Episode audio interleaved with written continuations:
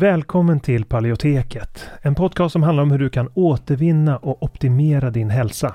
Vi presenterar spännande forskning, praktiska verktyg och inspirerande berättelser som ska hjälpa dig att ta makten över din egen hälsa. Vi som gör podden heter Karl Hultén och Anna-Maria Norman. En bristande maghälsa kan ge symptom i helt andra delar av kroppen. Det är något som många tyvärr inte känner till trots att mer än en miljon svenskar har IBS idag. Alltså problem med magen. Och tyvärr är magproblem i de flesta fall inkörsporten till annan ohälsa. Det kan vara inflammation, diffusa symptom, allergier eller autoimmun sjukdom. Och för att möta den här trenden av växande behov så har vi utvecklat kursen Maghälsa på djupet. Där vi går på djupet med att vända dålig maghälsa som SIBO och IBS.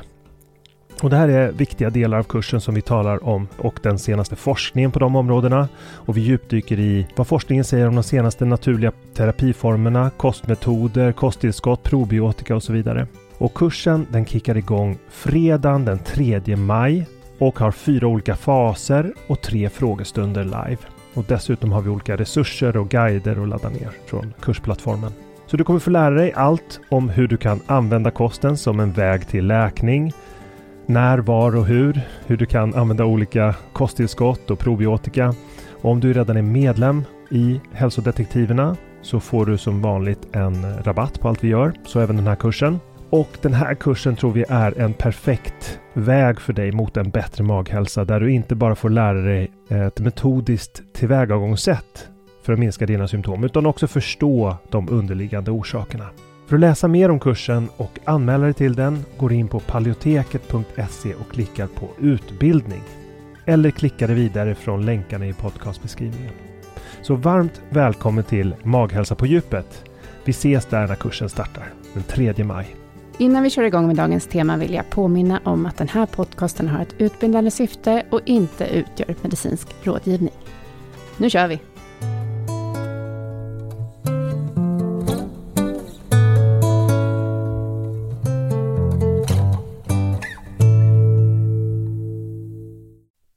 Under årens lopp så har vi med jämna mellanrum stött på personer med högt LDL som är oroliga efter att de påbörjat en, en ketokost, karnivor eller LCHF-kost. Och idag ska vi prata om det fenomenet. I podcastbeskrivningen så har jag länkat en artikel som heter The Lipid Energy Model av bland annat eh, Nick Norwich och Dave Feldman med flera. Och den förklarar vad som händer när personer som är smala, oftast då, får ett högt LDL som svar på en lågkolhydratkost. Och i korthet så går modellen ut på att det uppstår en efterfrågan på fett som bränsle när glukosnivåerna går ner och levern och musklerna töms på glykogen. Så ökar då behovet av fett som metaboliskt substrat, vilket ökar leverns utsöndring och perifer upptagning, alltså i musklerna av triglycerider, som då lämnar låga triglycerider i blodet men höga LDL och HDL-nivåer kvar. Och Det här är någonting som kan variera väldigt mycket mellan individer naturligtvis. Det beror på genetiska faktorer, övergripande kostsammansättning, fysisk aktivitet och många andra faktorer. Vi går in på flera av de aspekterna i avsnittet, vad man kan göra åt det här. Men nyligen så gick en av de här forskarna ut i en artikel med ett lite eh, provokativt experiment där han åt eh, stora mängder kolhydrater per dag i form av eh, kakor, Oreo-kakor, vilket fick ner hans personliga LDL från 384 till 111 milligram per deciliter, vilket jag räknar om till svenska mått blir det ungefär 9,9 till 2,8, vilket är en otrolig minskning som man eh, sannolikt inte ens skulle kunna nå med statiner. Och eh, i det här avsnittet så eh, kommer vi prata mer om det här fenomenet. Och vi kommer prata om eh, intressant forskning som publiceras nu i början av december där en grupp lean mass hyperresponders får testa vilken eh, risk de har för hjärtsjukdom. Men något som vi har sett, det är precis det som Nick Norwich visade i sitt personliga experiment. Vi har sett det förut hos våra eh, deltagare i våra kurser och klienter och så vidare. Alltså att man kan lägga till lite kolhydrater och då drastiskt få ner kolesterolet för de här personerna. Och eh, ett tillägg som jag kanske skulle göra till det här samtalet som följer, det är att personer som får ett mycket högt LDL, baserat på den forskning som finns tillgänglig idag, så är det troligtvis bäst att försöka få ner kolesterolet oavsett om man har väldigt låga riskfaktorer i övrigt. Alltså, de här personerna som det gäller har ofta väldigt, väldigt eh, fina hälsomarkörer. Men samtidigt så har vi inte sett slutet på den här frågan, utan den här forskningen den pågår. Och det kan vara så att LDL-värdena under vissa förutsättningar inte innebär en ökad risk. Vi får återkomma om det.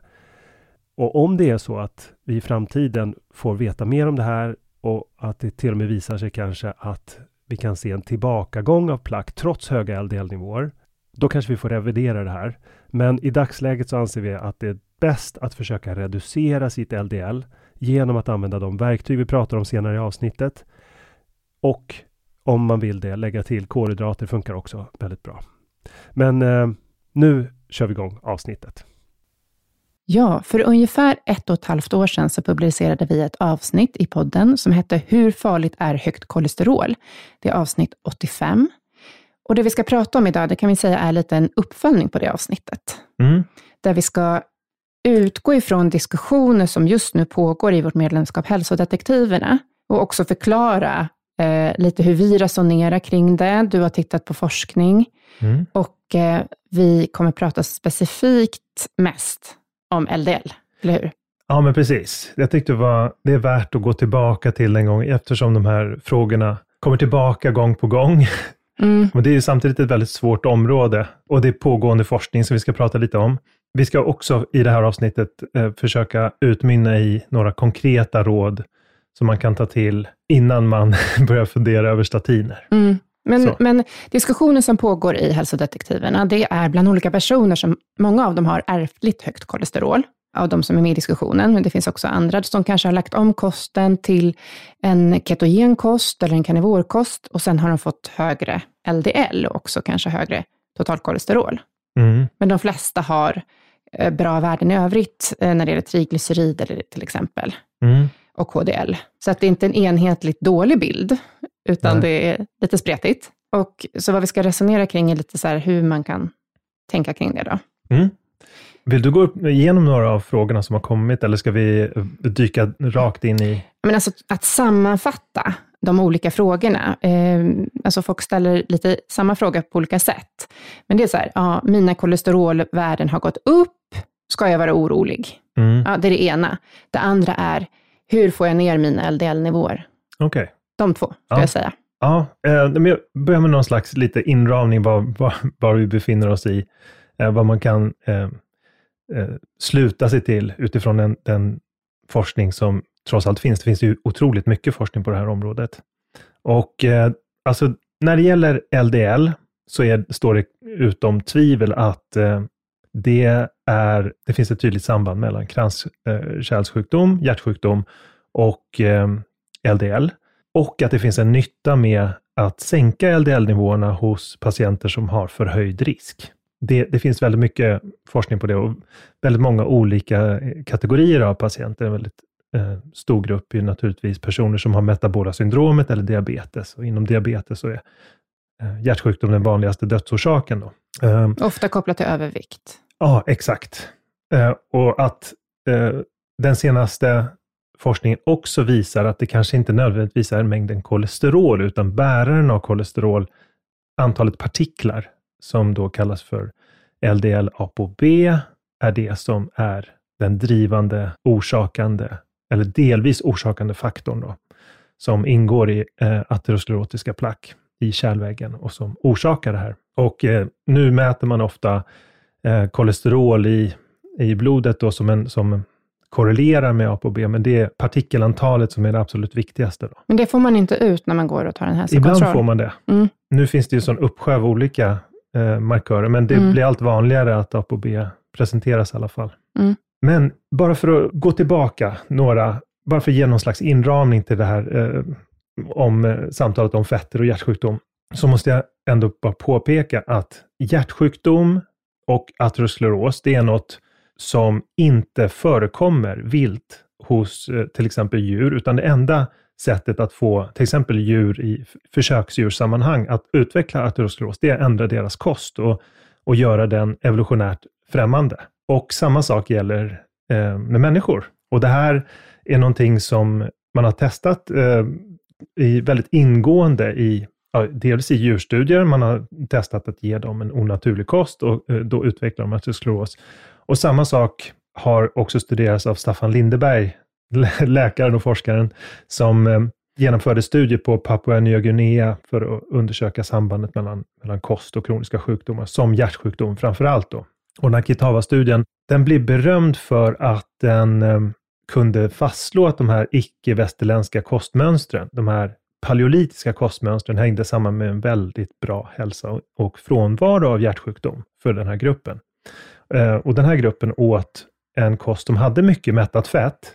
Det betyder naturligtvis inte att mättat fett måste vara en, eh, en positiv faktor, utan det, det kan ju vara ehm, eh, men vad det säger är att kanske helheten av kosten som människorna åt på Ketava var sån att den inte utmynnade i hjärtsjukdom och de hade också hyfsat låga kolesterolnivåer. De hade lägre än normalbefolkningen i Sverige till exempel. Och de åt mycket sötpotatis, eh, frukt, grönsaker, fisk, men också väldigt mycket mättat fett från, från kokos eh, och fläskkött bland annat. Så, de hade ju en, en, då en lipidprofil som eh, visade förhållandevis lågt eh, av det, det här LDL då, och förhållandevis högt av HDL. Men vad hans rön liksom bidrog till att avslöja var ju att den här eh, fetthalten i kosten, den behöver kanske inte ens vara speciellt låg, utan det är, en, det är snarare en kost som har väldigt lite av processade livsmedel som eh, leder till de här hälsoresultaten som vi är ute efter. Okej, okay, så, så det var, de, de åt inte en låg andel fett, utan de... Nej, att det finns eh, flera olika exempel för flera olika befolkningar. Mm. Alltså den paleolitiska kosten, den har ju, som de här befolkningarna har ätit och det resulterade inte i någon hjärtsjukdom då, den har ju testats också i kliniska studier, en lång rad kliniska studier, så när man tillämpar den på personer som har till exempel metabolt syndrom, där blodfettprofilen inkluderar väldigt högt LDL. Man ser precis samma sak. Man ser hur deras HDL går upp och deras LDL normaliseras och går ner. Och man ser att framförallt triglyceriderna går ner ordentligt. Mm. Och det här mönstret, det återupprepas om och om igen och en slags variant av en liknande paleokost är ju den här lågkolhydratkost. Alltså LCHF blir ju i praktiken en, ett slags paleokost eftersom nästan all processad mat innehåller kolhydrater i någon mån. Mm. Så att det blir en proxy för det. Men vi ska inte föregripa mm. ämnet här, utan mm. jag tänkte bara också inrama lite vad LDL är för någonting kanske. Ja, jag Eller tänkte var... bara, liksom, bara en sak som vi borde sagt i början är ju att LDL är det som brukar kallas för det dåliga kolesterolet och HDL är det som brukar kallas för det goda kolesterolet. Ja, just det. Alltså det är grundläggande, men vi måste ju ändå säga det. Ja, men kanske bra att du mm. sa det just nu också, för att LDL menar jag, det är ju inte varken bra eller dåligt kolesterol. Alltså det är någonting som har funnits i vårt blod i miljontals år. Det finns där. Vi måste ha det för att det överleva. Det är livsnödvändigt. Det är helt livsnödvändigt. Mm. Utan det så skulle inte en enda cell i kroppen kunna fungera normalt, utan eh, cellmembranens eh, struktur och funktion bid, eh, består till, alltså cellmembranen består till stor del av kolesterol. Mm. Det behövs eh, för stabilitet och eh, följsamhet i cellmembranen. Det behövs också kolesterol för att bygga steroidhormon, för att producera D-vitamin, för att bilda galla och för, för också eh, stödja immunförsvaret i, i försvaret mot eh, bakterier till exempel, så, så, så, behövs LDL då som har receptorer för bakterietoxiner och kan binda dem. Det behövs också för att reparera och underhålla vävnader, eh, för nervsystemens funktion och de flesta celler i kroppen kan bilda eget kolesterol, men det kan också levereras via de här lipoproteinerna då som, som vandrar ut i, från kärl, kärlen och kan leverera sitt kolesterol till i hela kroppen. Mm.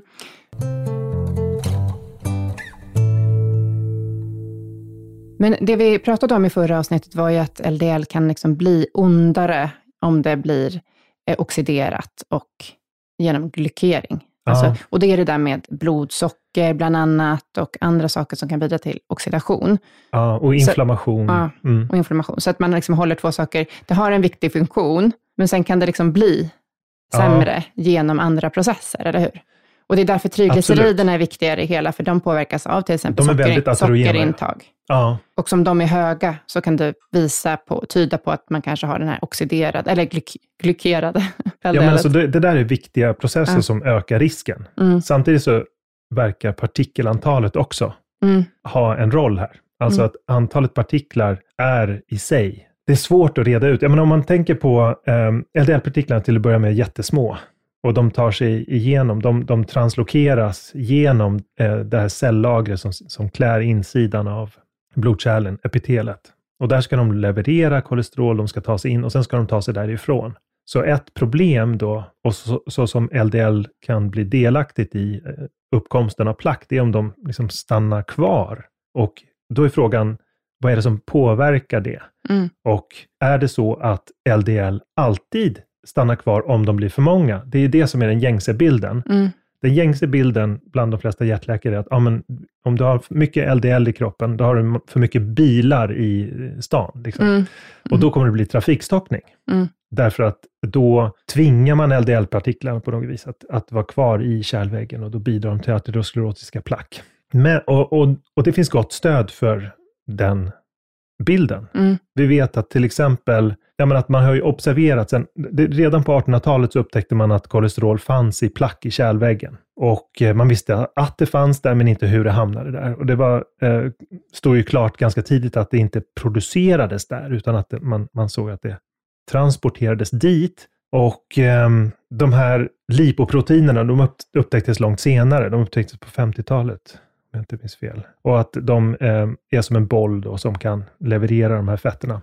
Men att i sig så är LDL, det står i nära samband med eh, hjärtsjukdom under vissa förutsättningar. Och de flesta människor, om man ser, eh, som inte är helt metabolt friska, då visar forskningen för, för den gängse befolkningen, som inte är metabolt helt frisk, eh, det måste vi också vara ärliga med, att de flesta svenskar, de flesta i västvärlden inte helt metabolt friska, mm. då visar forskningen att ett minskat LDL minsk leder till minskad hjärtsjukdom, oavsett hur man når dit. Sen finns det också saker som eh, familial, alltså hyperkolesterolemi, som innebär att man har ärftligt jättehögt kolesterol. Har man den typen av, det finns till och med exempel på, att, eh, på barn som har det, som får innan skolålder kan få hjärtinfarkt på grund av extremt höga LDL-nivåer.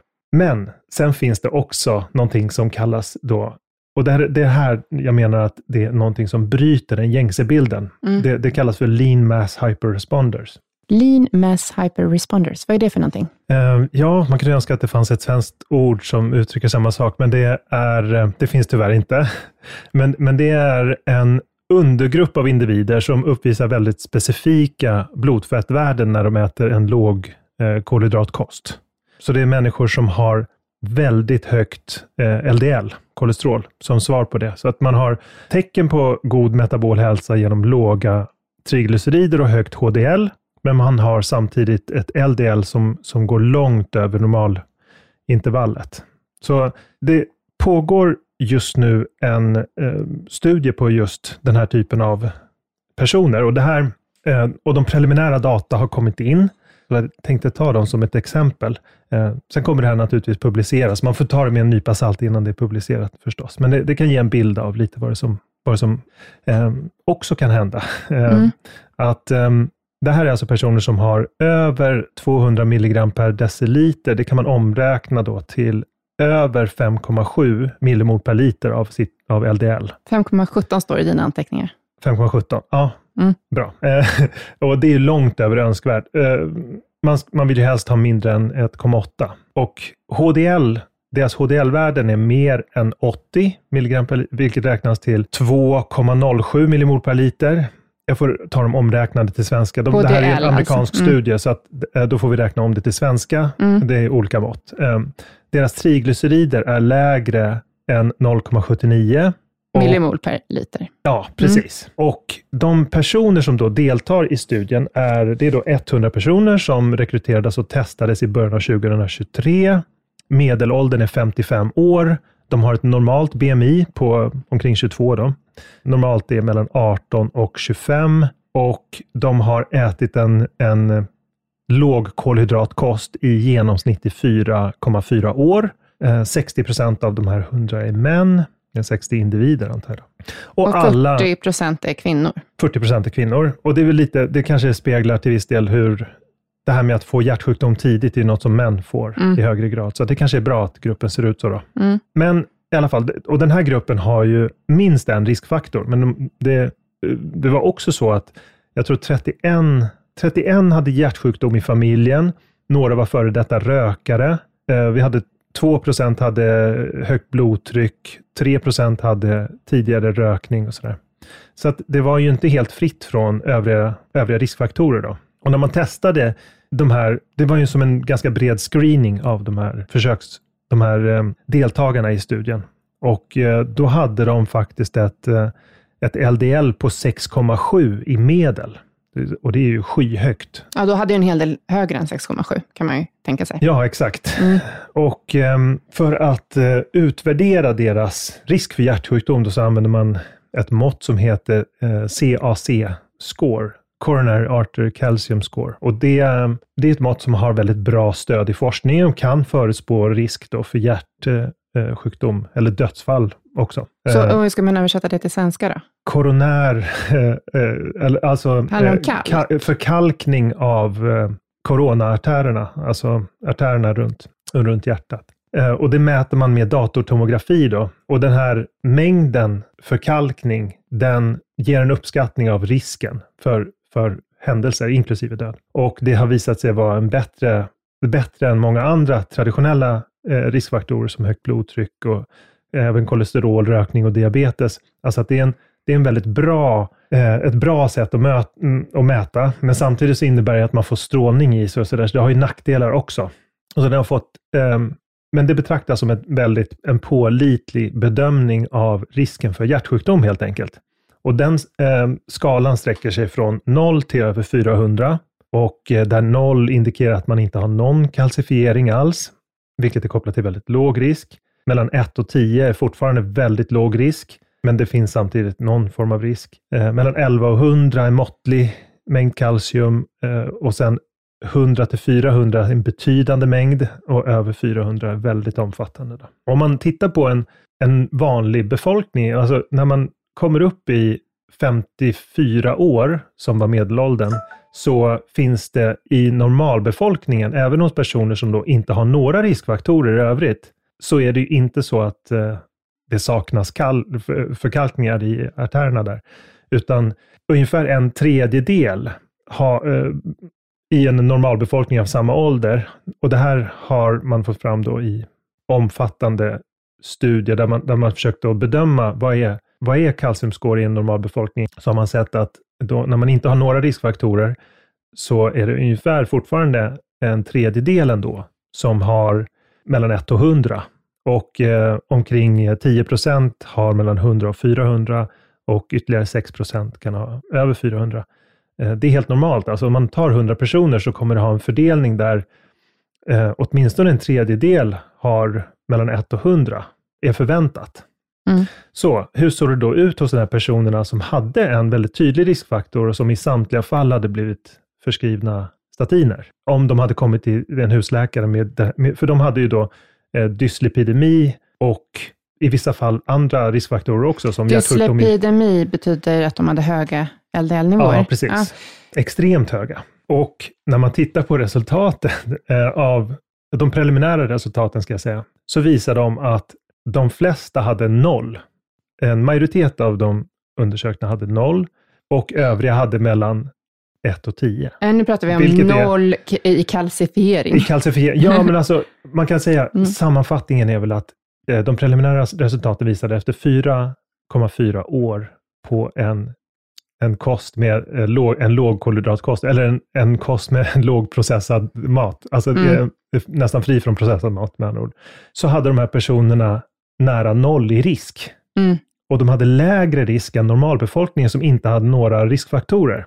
Och vad jag tycker det här kan visa, nu ska det här naturligtvis, det måste bekräftas, mm. Eh, det måste eh, bekräftas av fler studier, det måste för det första publiceras. Man får ta det med en nypa salt. Ja. Men jag tycker ändå att det är intressant för att det lyfter fram hur LDL kan under kanske vissa förutsättningar inte följa de här spelreglerna, för de har ju skyhögt LDL Mm. och ändå noll. Alltså för att normalt sett brukar man se att ju fler riskfaktorer du har, desto så, så ser man att det tydligt återspeglas av försämrad kalciumscore. Mm. Det är en linjär, ett linjärt förhållande. Och de här har ju i vissa fall två riskfaktorer och ändå har de en noll i score i Mm. hela gruppen. Det, här var, det fanns inga undantag.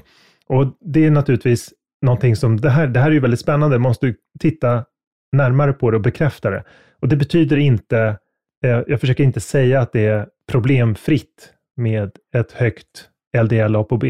Men samtidigt är det intressant om det är så att de här övriga, alltså att ett mönster där vi ser att man tar bort den västerländska kosten, som eh, den processade maten, att, kan, eh, att det eventuellt kan försätta oss i ett läge där vår lipidmetabolism blir sån att trafikstockning inte inträffar trots att man har extremt mycket LDL i blodet. Mm. Och det här understryker att man måste se LDL som en del av ett sammanhang. För det finns, eh, eh, det finns ju omkring 30 olika, att det finns en lång rad olika riskfaktorer. Mm. Vi har högt blodtryck, diabetes, insulinresistens, eh, och så har vi rökning och övervikt, eh, inaktivitet, hög ålder naturligtvis, att vara man är också Ärftlighet. man får det tidigare i livet.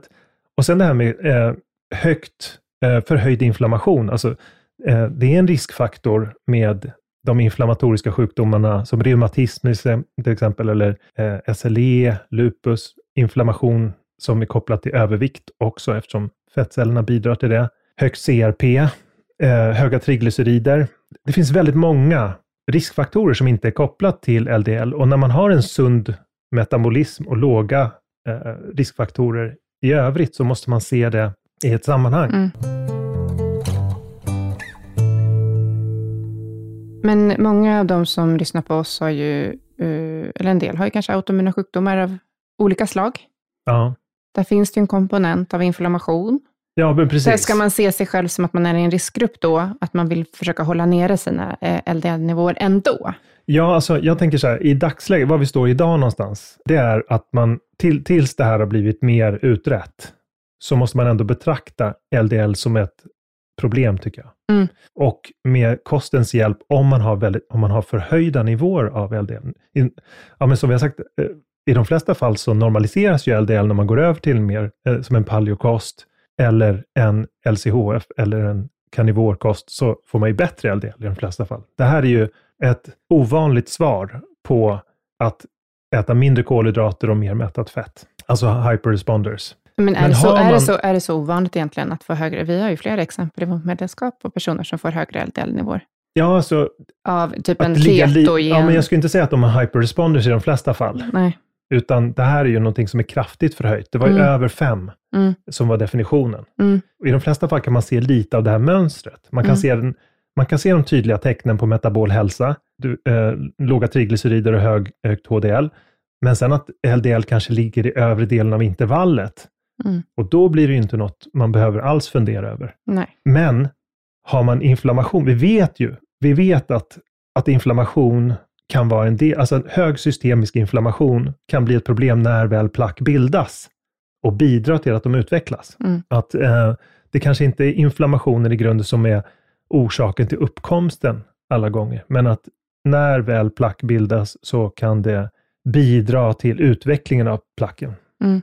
Men vi kan bara summera upp det där med hur man ser de olika värdena. Alltså, det är en sak att hålla nere LDL, men sen är det då, då att, man, att man gärna ska ha låga triglycerider också, och högt HDL. Ja, exakt. Om, det, om, man, om man ska tolka den här LDL som inte är särskilt farlig. Ja. Men om man dessutom har höga triglycerider och eh, lågt HDL, då är det ju ja. inte bra, så att säga. Och det har inte Men- jag sett hittills någon som har, utan det här är Nej. ett tydligt mönster. Mm. Att vi ser hur man går över kanske till en mer evolutionsriktig kost. Och eh, då i det här fåtalet, nu, nu pratar vi om, det är ändå väldigt, väldigt få som får det, det är en Mm. på tusen Ja.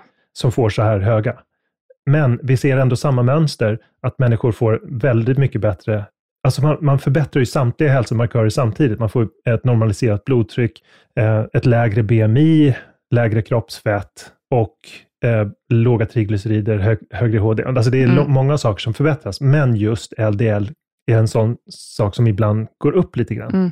Och då är frågan, och det här hänger ju samman med hos de få individerna som kanske då också har en förhöjd inflammation, säger vi, och som, som får ett högt eh, LDL.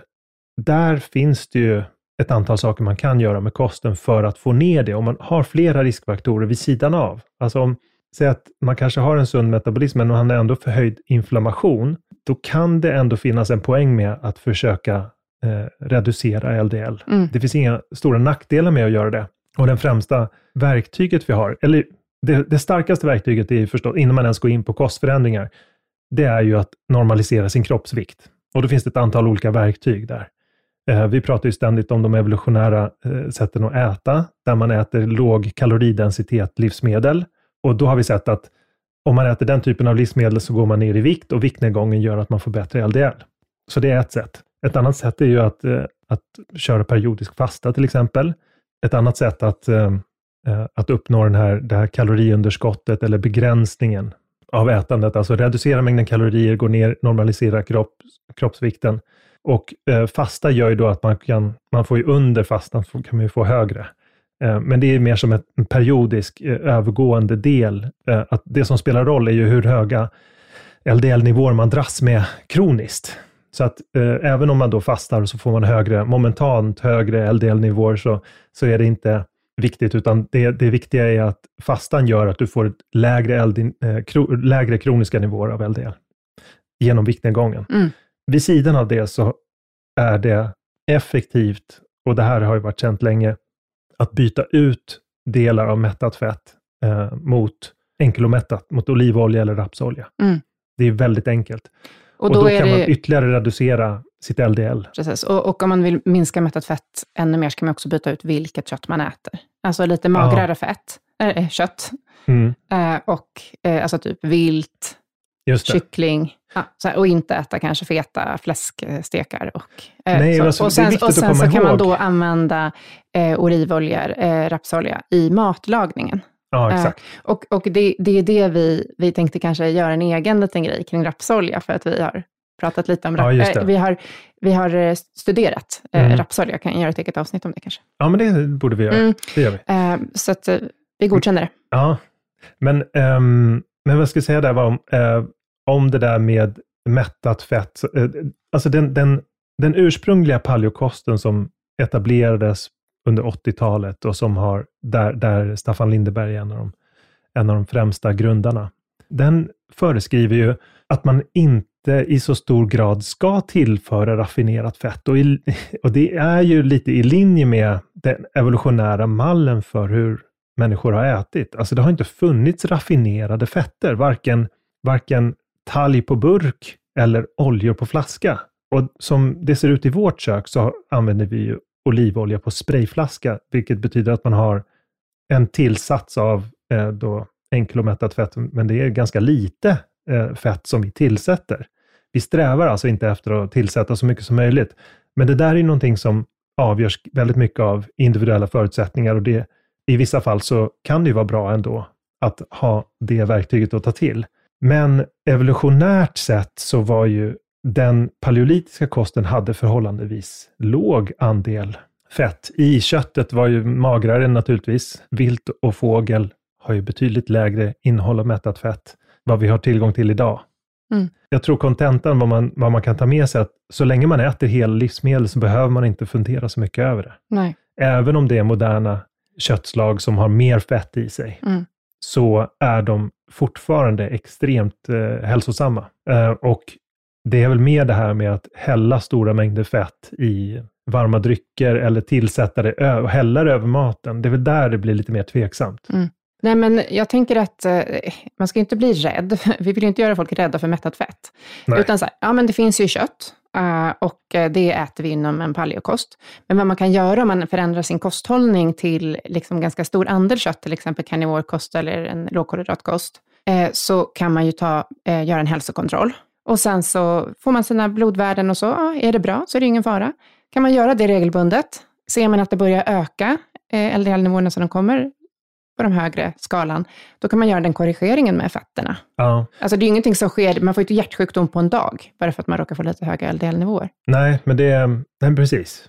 det, det tar ju verkligen tid och det är också, eh, ju tidigare man gör den här typen av förändringar, desto bättre. Mm. För då har du ju eh, längre tid att påverka. Mm. För det är kronisk påverkan av blodfetter som Så en årlig besiktning med en Ja. hälsokontroll kan vara en bra idé. Precis, och då Mm. finns det flera, att det, det, just med fettet är inte det enda sättet. Alltså att ändra sin fysiologi, det, det tror jag är steg nummer ett. Alltså se till att man har ett normalt BMI, gärna en hög muskelmassa.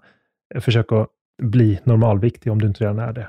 Sen påverkar man med kosten och då är fett den, den största andelen. Det finns, till viss del kan man också påverka det genom intag av eh, eh, vissa typer av lösliga fibrer som också kan binda då.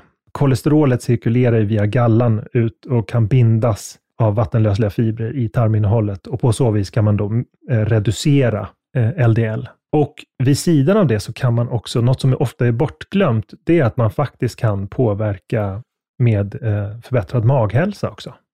Alltså, ett högt LDL är i viss mån en stressreaktion och en, en sån stressor kan vara eh, SIBO eller dysbios. Och det här har man sett i, det gjordes en systematisk genomgång av forskningen kring det här med blodfetter och probiotika för bara några år sedan. Och då tittade man på användandet av probiotika för att eh, då behandla och förbättra blodfettprofil hos personer som har en försämrad. Och eh, då valde man ut eh, publicerade studier mellan 2013 och 2018. Det var då 28 kliniska studier som valdes ut och eh, man hittade då de som uppfyllde kraven var 14 stycken. Men det kanske är en parentes. Men resultaten är väldigt intressanta. Att eh, både LDL och triglycerider och HDL påverkades i positiv riktning av att använda probiotika. Och den här studien, eh, den gick faktiskt så långt så att den, den, eh, den föreslog att probiotiska tillskott borde vara en komplementär behandling för personer med dyslipidemi, alltså med eh, för högt LDL helt enkelt. Men vi diskuterade förut vad, det skulle, vad som skulle kunna vara orsaken till att LDL blir för hög, högt om man har till exempel SIBO. Ja, du hade alltså- någon hypotes? Ja, alltså det här är ju, ja, det, det är intressant. Alltså, eh, I och med att LDL har de här funktionerna i att binda bakterier och eh, ett viktigt led i, alltså man ser personer som har väldigt lågt LDL lättare får sepsis till exempel, Och sepsis är? eh, blodförgiftning. Mm. Och det är när vi får ut bakterier i blodet. Så ett sätt som bakterier, eh, den största koncentrationen av bakterier är ju i magen, det har vi pratat om många gånger, och i, eh, i vissa delar av magen där vi behöver ha ett starkt försvar, är i tunntarmen. Och, och idag så är det någonting som, något som är väldigt vanligt förekommande, särskilt för personer med magproblem, är att man har för mycket bakterier i tunntarmen. Och då uppstår ett behov av att skydda kroppen på olika sätt. För att bakterierna gör ju att det uppstår inflammation lokalt och tarmen börjar läcka och så. Då finns det ett ökat behov av att binda de bakterierna. Så att, att just den här relationen mellan maghälsa, där vi ser att man genom att aktivt förbättra maghälsan, som man gör med probiotika till exempel, eller genom en paleokost, så, så ser man hur blodfetterna förbättras. Det skulle kunna vara ett resultat av att man ser att tarmfloran normaliseras och förbättras. Och därför så behövs det mindre LDL för att binda bakterier som alltså translokeras från tarmen till levern. Mm. Alltså, det här är ju en spekulation. Det här men- är en egen hypotes. Ja, men det är så jag tänker kring Mm. LDL. För jag har svårt att få, till, få, eh, få reda på hur, hur vi annars skulle kunna förklara vad vi ser.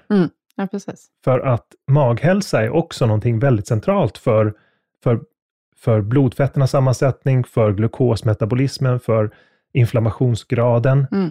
Så det, ja, All hälsa börjar i magen. all hälsa börjar i magen. Mm. Men så, om vi skulle väva ihop säcken lite Mm. då, Precis. så gör LDL väldigt mycket nytta i kroppen. och eh, att man ska inte stirra sig blind på att behandla en markör i för stor utsträckning, tror jag. Mm. Så det, och det ska man komma ihåg samtidigt som man kommer ihåg att LDL är någonting som för de flesta personer gärna ska ligga inom normalintervallet. Mm. baserat på det vi vet idag. Sen så, sen så har vi ju hela det här exemplet med, med lean mass hyperresponder som bara, om det här skulle visa sig stämma så falsifierar det ju hela lipidhypotesen om Ja. att, alltså det, då är det något annat, då, då är inte LDL i sig orsakande det här. Det skulle vända upp och ner på mycket. Det skulle vara lite av ett paradigmskifte. Ja, men då undrar jag, du sa att den inte var publicerad än, men du har ändå en artikel du har läst. Nej, det här är preliminära data. Det kommer Går det att publiceras länka under... till det eller? ja, jag kan, jag, kan, eh, jag kan länka till en publicerad artikel, men det är en fall, eh, fallstudie. Mm. Eh, så nej, det här är inte publicerat än, Nej. utan då får vi återkomma med det. Mm. Så, men men, men det, det, ja, vi lämnar lite av ett um, to be continued Ja. eh, när det gäller vad, vad är det som gäller om man har en sund ämnesomsättning. Om man visar tecken på metabol hälsa, vad är det då som gäller med LDL? Mm. Och det här knyter tillbaka lite till en studie som heter Framingham-studien, när man kollar på eh, korrelation mellan LDL och hjärtsjukdom. Mm. Den korrelationen är otroligt svag när vi börjar tala om personer som har tecken på metabol hälsa, alltså personer som har en hög insulinkänslighet eh, och framförallt en, en höga HDL och låga triglycerider. Mm. Jag tänker så här att ser man värden som ligger långt utanför det normala, så finns det, det finns saker man kan göra som utan speciellt stor uppoffring gör så man kan normalisera eh, sina LDL-nivåer. Mm. Men det är mycket vi fortfarande inte vet. Mm.